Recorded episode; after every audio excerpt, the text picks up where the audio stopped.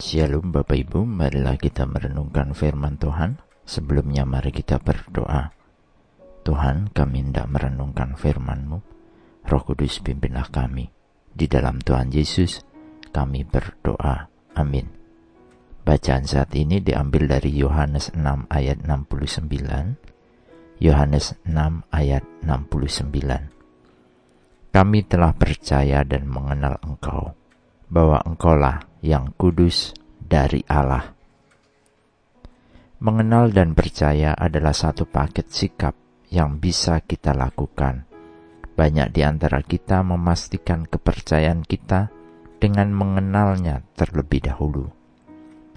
Dan banyak di antara kita memiliki iman percaya kepada Kristus bermula karena orang tua kita yang sebelumnya memang percaya Kristus sehingga kemudian kita dikenalkan siapa itu Kristus dalam hidup kita.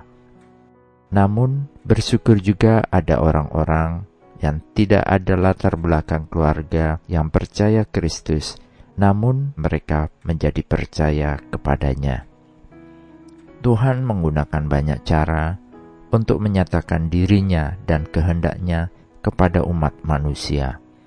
Sungguh menakjubkan untuk berpikir bahwa Tuhan tidak menggunakan hanya satu bentuk, tetapi banyak cara. Ini menunjukkan bahwa karya Tuhan untuk manusia dapat mengenalnya tidak pernah berhenti. Setiap saat kasih karunia-Nya bekerja bagi umat manusia. Namun, adalah tugas kita sebagai orang percaya untuk membagikan juga berita keselamatan Kristus kepada orang-orang yang belum mengenal dan percaya Kristus.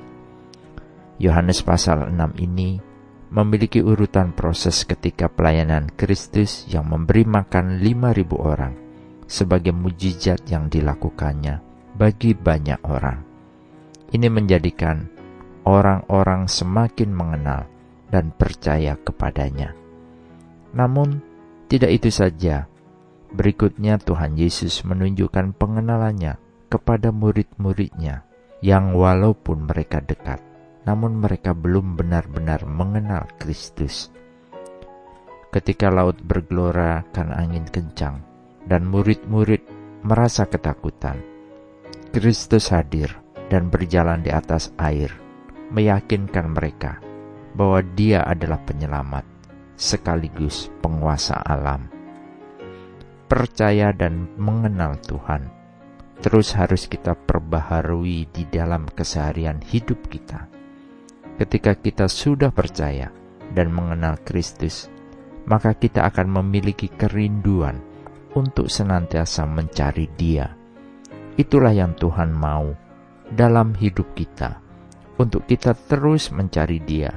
Kita menjadi haus dan lapar akan kebenaran Tuhan bersyukur bahwa Tuhan memberi kita firman-Nya yang tertulis dan menyimpannya untuk kita di dalam Alkitab, sehingga kita bisa setiap saat membaca dan merenungkannya. Kita bisa mempelajari sehingga semakin hari kita semakin mengenal Dia. Dia adalah roti hidup yang mengenyangkan haus, dahaga, dan lapar kita akan kebenaran Tuhan. Karena dari sanalah ada keselamatan yang Tuhan janjikan kepada kita. Amin. Mari kita berdoa. Bapa Surgawi, terima kasih. Engkau Kristus yang mati untuk tebus kami. Terima kasih karena Engkau mencari kami untuk keselamatan yang Tuhan sudah sediakan. Hari lepas hari, kami pun diundang untuk terus percaya dan mengenal Tuhan melalui firman di dalam Alkitab untuk kami boleh terus merenungkannya. Kiranya Roh Kudus memimpin hidup kami senantiasa. Di dalam Tuhan Yesus, kami berdoa dan memohon. Amin. Tuhan Yesus memberkati. Shalom.